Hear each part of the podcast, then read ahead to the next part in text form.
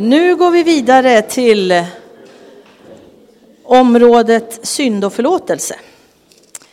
Eh, och Hebreerbrevet 12 i början där så står det att när vi nu har en sån sky av vittnen runt omkring oss Låt oss kasta av allt som hindrar, all synd som vill gripa tag i oss och med uthållighet springa mot målet.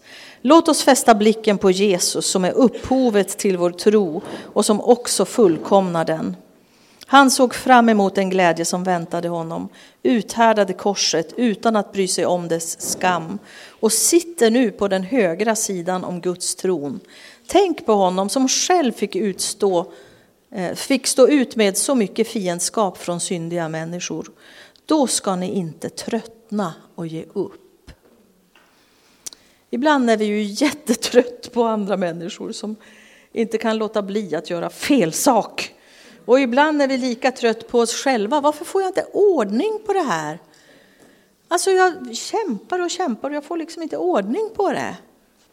Och då är det ju samma här, att livets mening, hela relationer, så det är samma bild som jag hade förra svängen. Men då kan man ju tänka sig att synd är det som bryter ner relationer. Alltså för det här mig närmre Gud om jag gör så här. Eh, är jag sannare mot mig själv? Ehm, hjälper det dem jag är satt att betjäna, min familj och min arbetsplats? Och så här, är det här klokt inför dem?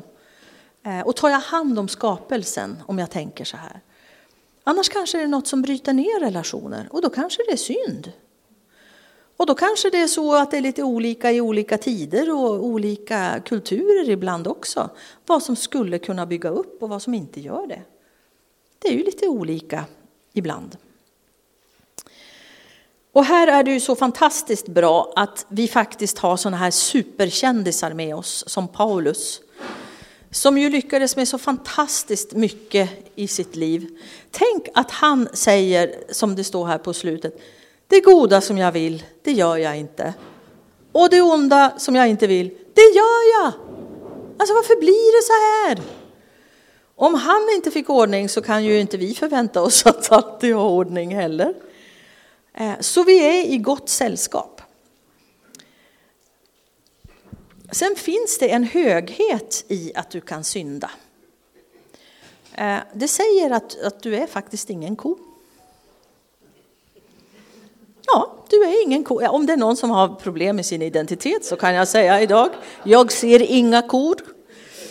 Eh, nej men, om vi har ett gäng kor någonstans och, och, så begriper de inte att stanna inom den gräns vi har gett dem utan de går över till grannens tomt och börjar käka upp deras blommor i rabatten och sådär så håller vi ju ingen eh, rättegång med korna. Eller hur? Alltså, de begrep ju inte bättre.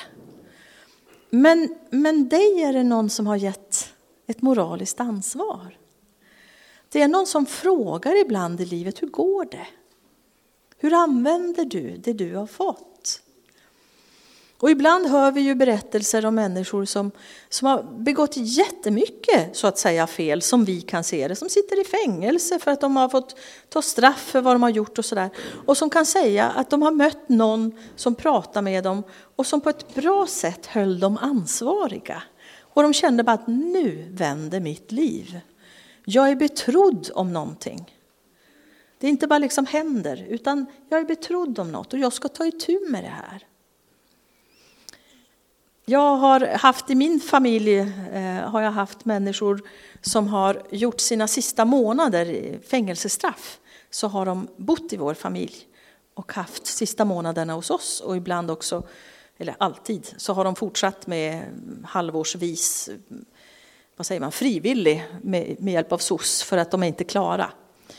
Men att höra en del av deras berättelser när de har fått möjlighet att skriva brev Ibland till vad ska man säga, kvarvarande därför att de faktiskt har tagit ihjäl en person.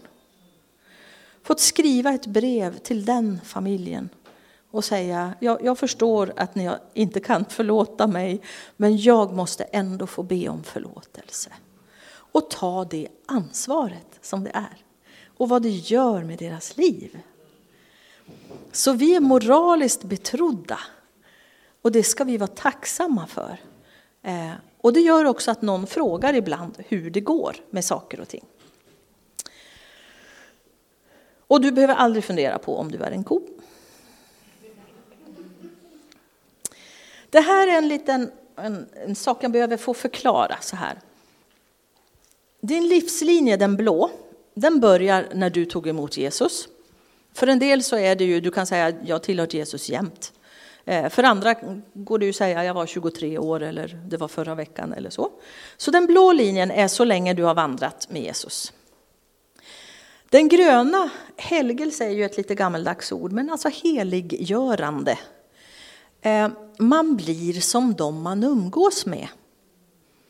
Min mamma tyckte ju inte om mina kompisar i tonåren av mycket förklarliga skäl. Och då sa hon, Birgitta kom ihåg, man blir som de man umgås med. Och så blev ju jag också. Eh, men vi umgås ju med Jesus. Så om, någon, om du har följt Jesus i tio år eh, och någon träffar dig nu och inte har sett dig på tio år, så kommer ju den ju att se vad Jesus har gjort i ditt liv. Alltså kolla vad som har hänt. Vilken utveckling, vilken, vilken karaktär. Vilka förändringar i, i, i hennes personlighet och, och, vad intressant han och hon är. Därför att när vi går med Jesus så, så han har, gör ju bara intressanta personligheter hela tiden och han hjälper oss att få fram dem på olika sätt. Så helgelsen fortgår som den ska och andra kan se det. Men vi upplever ju precis det vi sa med Paulus. Det, det, det goda som jag vill, det gör jag inte. Och det onda som jag inte vill, det gör jag. Vi ser våra misstag. Och det är ju den röda pilen, våra egna upplevelser. Och ibland blir de väldigt djupa, de där dipparna. Att varför gjorde jag så där igen? I första Timoteusbrevet 1, där står det, och detta ska man komma ihåg är ett av Paulus sista brev. Och så står det, tänk att Jesus kom för att frälsa syndare. Och bland dem är jag den störste. Jag tror inte det var någon som träffade Paulus i slutet av hans liv som tänkte, ja det här är den största syndaren, det ser man ju direkt. Men det är hans upplevelse av det som liksom inte blev bra. Så trösten är då att trädet äter inte sin egen frukt. Ni vet, på, på ditt livsträd så, så, så växer andens frukter fram. Kärlek, glädje, frid, tålamod, uthållighet, självbehärskning. Jag kommer inte ihåg allihopa, men ni vet. Det växer fram därför att du umgås med Jesus. Men du står ju inte och äter din egen frukt och tuggar i dig den, utan den är ju det andra ser och äter av. Och jag har en söt liten historia som jag gillar från en präst som kom till ett nytt ställe och där äldre damer hade mötts i en bibelstudiegrupp i all evighet. Och därför skulle han naturligtvis träffa dem.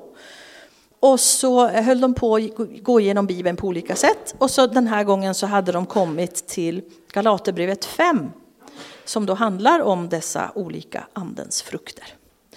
Och så när de börjar läsa där, då är det en kvinna som bara, alltså jag tycker det här är så jobbigt. Jag har ju så svårt med det här med... Och så hann han hejda henne. Och så, jag känner inte er, men ni känner varann. Ja. Kan vi inte göra ett experiment? Alla tar en lapp och skriver upp det ni tycker utmärker den här kvinnan, hennes karaktär, hennes andens frukter. Ja. Och så samlar de in alla de där lapparna och så börjar de läsa på den första och så står det tålamod och kärlek eller någonting. Och så läser de lite vidare och vidare. Och ett ord som hela tiden återkommer, det är tålamod. Och till slut så storgråter hon och säger, men det är ju det jag har så svårt med, säger hon. För hon ser ju alla gånger hon trillar. Men de andra ser ju frukten på hennes träd.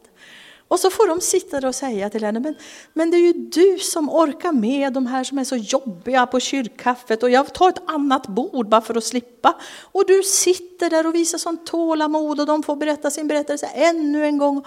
Du är full av tålamod. Är jag? Så trädet äter inte sin egen frukt, men lita på att heliggörandet, det fortgår. Här är tre ord som jag tycker funkar bra att skilja på och det hjälper oss att förstå var vi är i olika situationer. Förlåtelse, försoning och förtroende. Hur förlåter man? Ja, vi behöver ju inte vara frommare än vad Gud är. Och Gud, han dömer ju synden. Och han benådar syndaren. Och ibland skulle vi må lite bra av att vara lite tydligare där. Istället för det ja det gjorde inget. Att säga, jo, alltså jag blev verkligen sårad, jag, jag blev det. Men, men jag förlåter dig. Vi får också döma synden. Men vi vill gärna benåda syndaren så långt vi orkar, förmår, kan överlämna till Gud. Det här är ju ett viljebeslut. Jag väljer att lägga ner mina anklagelser. Eller spika upp dem på korset, eller vilken bild du vill använda för att visa att, att du har rättmätiga anklagelser mot någon. Han eller hon gjorde fel. Det är så. Och jag väljer att lägga dem hos Jesus. För att han lät ju det här ske. Han lät ju förlåtelse gå genom hans kropp och ut till andra människor. Han sa till och med förlåt dem för de förstår inte vad de gör. Och den förlåtelsen vill jag ska gå också genom min kropp och ut till andra. Inte som billiga ursäkter utan som liksom flytande blod. Det här kostade. Men jag vill att du får del av den här förlåtelsen, för jag har fått den av Jesus. Och jag vill ge den vidare. Kostsamt och dyrbart. Så det är ingen billig ursäkt. Eh, och det är också så att även det här kan få ta tid. Ni vet i kristna sammanhang, vi vet att vi ska förlåta. Och ibland hjälper vi människor till en väldigt ytlig förlåtelse. Men, men ska du inte ta och förlåta det här nu? Nu har du berättat det här för mig. Ska vi inte, ska vi inte gå in i förlåtelse? Och vi som själavårdare, vi blir liksom lite nervösa om vi inte gör det här. Därför att det här är ju vi därför. Vi ska göra det här. Jag vet en gång när jag satt med en ung flicka, det var så fantastiskt därför att jag, jag behövde inte vara där. Gud pratade med henne direkt. Jag satt liksom bara vid sidan om och tänkte, jaha okej. Okay, mm. Och hon fick en massa insikter i samtalet. Nej men det är ju så här. Och varför har jag inte sett det? Och så känner ju jag då, som jag ska på slutet, att nu måste vi samla ihop det här och göra något av det. Så jag säger då att, eh, hur tänker du nu? Vill du liksom, ska vi gå in i någon förlåtelseprocess kring det här? Och då säger hon, jag tror hon var 18-20 år, kanske inte mer. Så klok! Då säger hon så här, jag har precis kommit på det här. Jag har precis dragit de här slutsatserna. Jag tror att jag måste gå hem och vara arg först. Och jag måste dra ut konsekvenserna av det här. Alltså hur har det här påverkat min släkt och min familj? Och jag måste gå och göra det först. Eh, men jag vill förlåta, det är inte det, jag vill förlåta. Eh, och om jag känner att jag inte kan göra det i min ensamhet sen, så kommer jag tillbaka. Alltså, hur klok får man vara? Och jag tänkte, hon gör det här på riktigt. Eh, hon slarvar inte över det, utan hon gör det här på riktigt. Ibland är ju det svåraste vi gör att förlåta oss själva. Vi tror ju på något sätt att Gud förlåter allt och alla, men hur kunde jag vara så korkad? Så det här handlar ju också om, om förlåt, att ta emot för egen del. Eh, det Herren har gjort. Och då kan det vara väldigt bra det här som vi kallar för bikt. Att någon faktiskt finns där för att bara lyssna på min skit. Eh, bikt är väldigt, väldigt, eh, vad ska man säga, rakt på sak. Eh, ibland när jag är i frikyrkan, så kan jag, jag älskar frikyrkan, jag har hört det va? Jag är som jag sa superekumenisk och allt det där.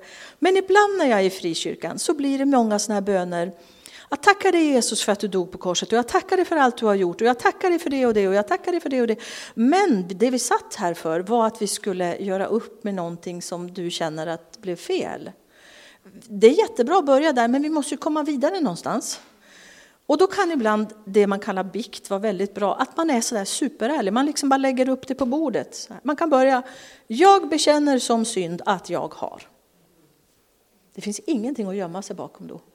Jag bekänner som synd att jag har. Och så kan det vara pratat illa om grannfrun för jag är så avundsjuk. Det är inte särskilt snyggt, men det är väldigt ärligt. Och då ligger det på bordet. Och då kan ju den andra liksom få säga, vet du att det står i Bibeln så här, att om vi bekänner våra synder, då är Gud trofast och rättfärdig.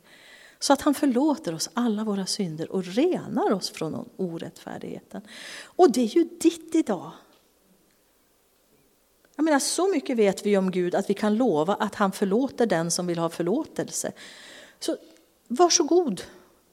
Jesu hälsning är att det gäller dig också. Så att vara lite sådär konkret, därför att då är det lättare att det släpper greppet om en också, de här anklagelserna som vi bär på. Och sen så är ju Gud så fantastisk att han, han fiskar liksom inte i, i havet efter de där synderna i havens djup längre. Han gör inte sånt. Jag brukar skämtsamt säga att han har dessutom blivit miljömedveten, han slänger dem på komposten istället.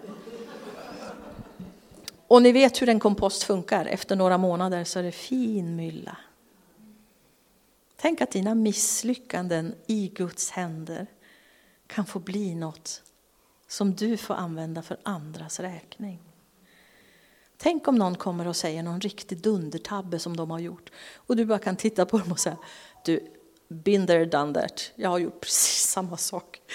Men du vet, Gud är en fantastisk Gud så han förlåter. Så att, ska, vi, ska vi prata med Gud om det här du och jag? Det är trovärdigt. Och vi blir på något sätt syskon på samma nivå. Eh, jaha, har du också slitit med det här? Japp. Eh, men jag vet att det finns en väg vidare. Det tog några år för mig, men jag vet att det finns en väg vidare. Ja. Så vi kan få ge hopp vidare till andra med det vi har varit med om. Försoning, vad är det då? Jo, men det är ju när vi får mötas och prata igenom saker som har varit.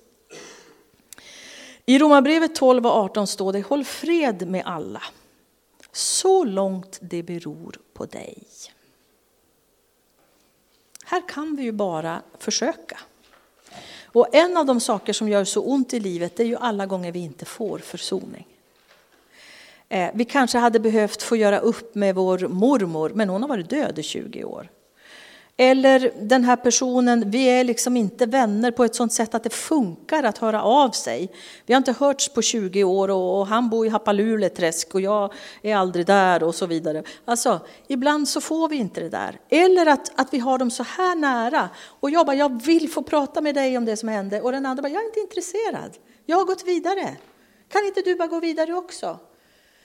Så det gör så ont när vi inte får försoning, när vi inte får sitta och få lite så här, hur tänkte du när du gjorde så?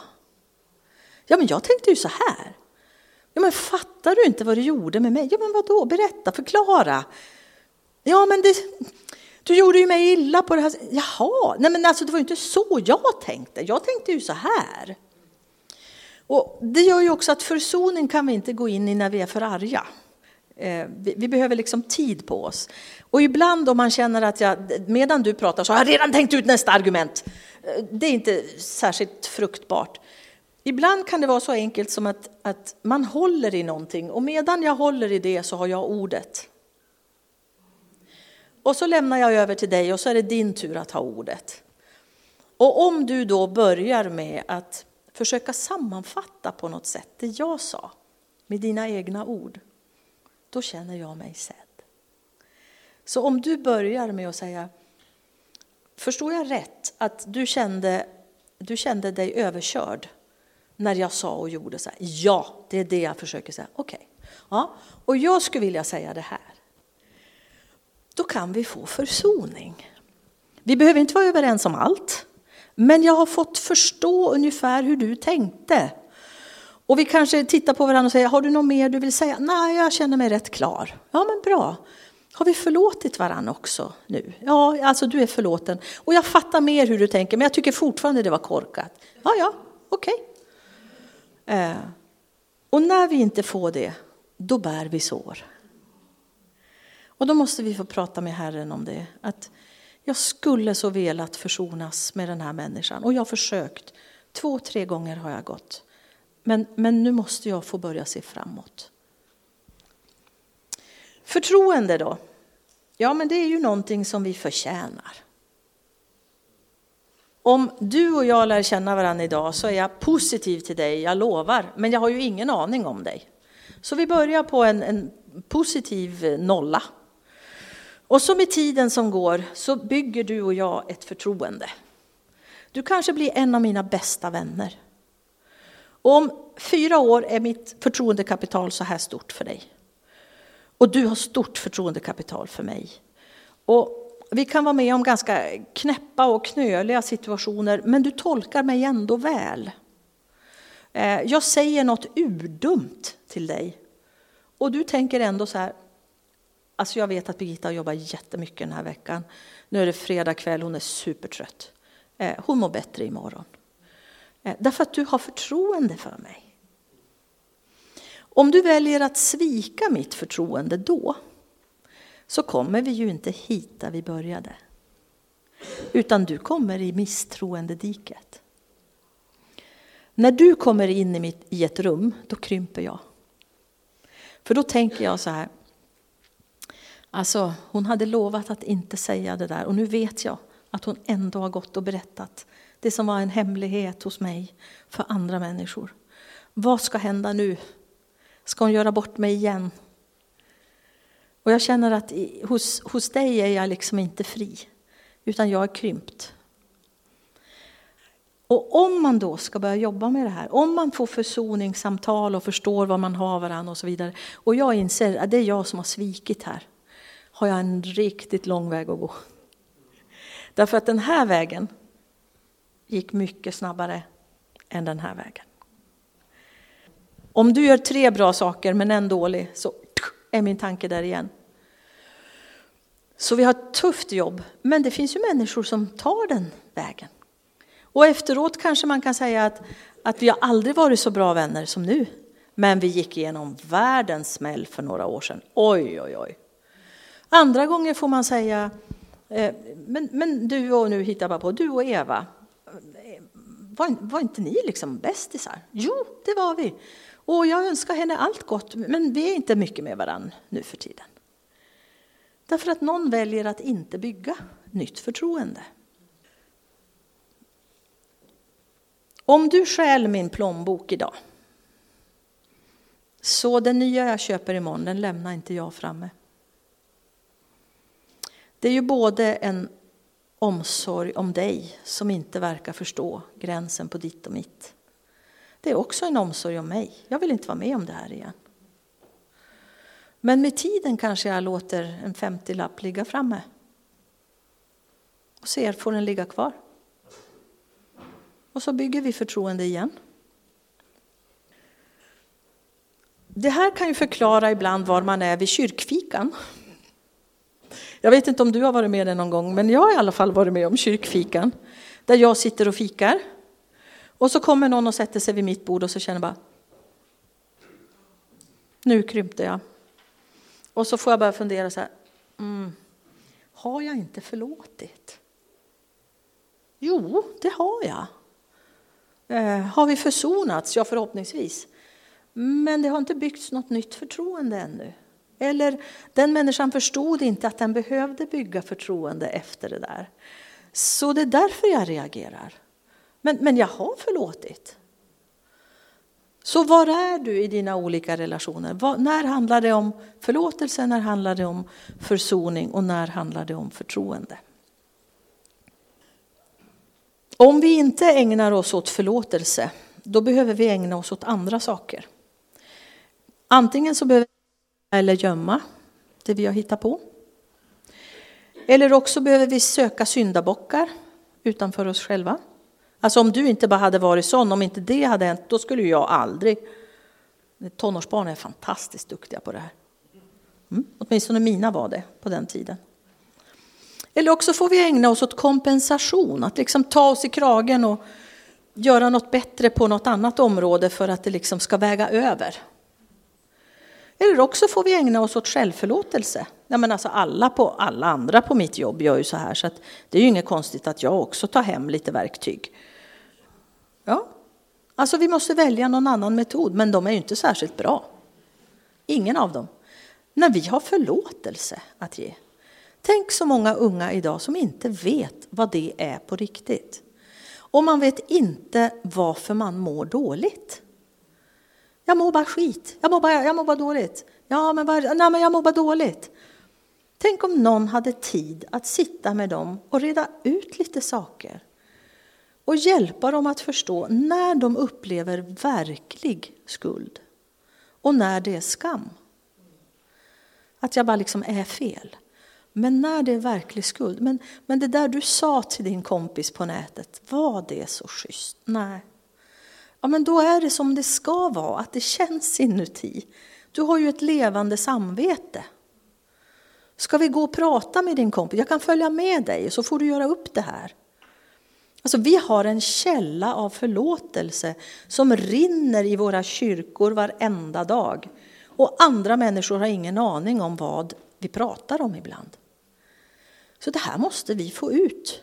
Du behöver gå som en förlåten människa i nåd. Alltså sådär eh, naturligt eh, halvkassa som vi är. Så att vi behöver varann, ni vet. Otillräckliga. Och, och bara flöda förlåtelsen, därför att jag äter det brödet själv. Och därför så flödar det genom mig och ut till andra. För samhället börjar tappa förståelsen av vad verklig skuld och verklig förlåtelse är. Och vad är då försoning och när ska vi ha förtroende? Vi har det i kyrkan. Romarbrevet 8. Nu blir det alltså ingen fällande dom för dem som tillhör Kristus Jesus. Ty den andliga lag som gäller för livet i Kristus Jesus har gjort mig fri från syndens och dödens lag. Ja, precis. Eller det här, när vi har sökt försoning och faktiskt, vi, vi kommer inte längre. Ett är säkert, jag glömmer det som ligger bakom mig och sträcker mig mot det som ligger framför mig och löper mot målet för att vinna det pris där uppe som Gud har kallat oss till genom Kristus Jesus. Inför förlåtelsen, så, så, eller bekännelsen, så, så var bara sann. Säg som det är. Kom ihåg att Jesus var full av nåd och sanning. Det är en väldigt bra kombination. Om vi bara är sanna med varandra, då kommer vi att ta ihjäl varandra. Om vi bara är fulla av nåd så blir vi väldigt snabbt mesiga. Men alltså sanning och nåd är en väldigt bra kombination. Ge din bekännelse, ge den rakt på sak. Jag bekänner som syndat. Var tydlig. Och du som hör den, ge bibelordet tillbaka om att Gud förlåter. Och det här är ju inte heller viktigt med känslor. Det är underbart när, när, liksom, när vi får känna att det släpper. Men det här är också ett vilje, en viljeakt. Att ta emot förlåtelsen, att tro att den är för mig. Att börja äta det brödet för egen del. Det är en viljeakt. Och sen ägnar vi oss åt omvändelse. Alltså vi försöker att inte göra samma sak igen. Vi provar att gå en annan väg. Så jag inte nöter på ditt förtroende imorgon igen. Och här bekänner vi ju synd, vi bekänner inte sår som vi var inne på. Sår är ju skador vi får. Synd är ju moraliska frågor där vi har misslyckats. Så att vi liksom skiljer på de här. Jag brukar dela med mig av ett radioprogram efter, som sändes efter diskoteksbranden i Göteborg. Där det satt en överlevare tillsammans med någon vårdpersonal, någon inom själslig vård, typ psykiater eller något, och prästen Lars Kolmar. Och det här var bara några dagar efteråt. Och man diskuterade, pratade om detta fruktansvärda som har hänt med alla unga människor som hade brunnit inne. Och mitt i programmet så säger den här unga killen att han mår så fruktansvärt dåligt. Han kan liksom inte hejda sig, han mår så, han mår så vansinnigt dåligt. För han vet att han har trampat på människor och sparkat på människor för att komma ut. Och han, han är så uppfylld av det så han tänker nog inte ens på att han säger det i radio. Liksom. Han bara, jag mår så dåligt, jag vet att jag har gjort det här. Och då säger de här två inom liksom, vården det man ska säga och som är helt rätt att säga och som ingår i deras profession att säga. De säger att du måste förstå att när sådana här saker händer, då är det bara reptilhjärnan som är vaken. Eh, och den säger bara överlev. Överlev, överlev, överlev. Och så blir det i sådana här situationer. Och du behöver tänka att du har livet. Tänk att du har livet. Det är så många som inte har det. Gör något bra av det. Du har fått en möjlighet. Då säger prästen Lars Kolmar. Det du beskriver, det är verklig synd. Och verklig synd kan bara förlåtas av en verklig Gud. Men när det här programmet är över kan du och jag prata med varann så får du göra upp det här. Då kan man gå fri vidare. Den möjligheten har du och jag också.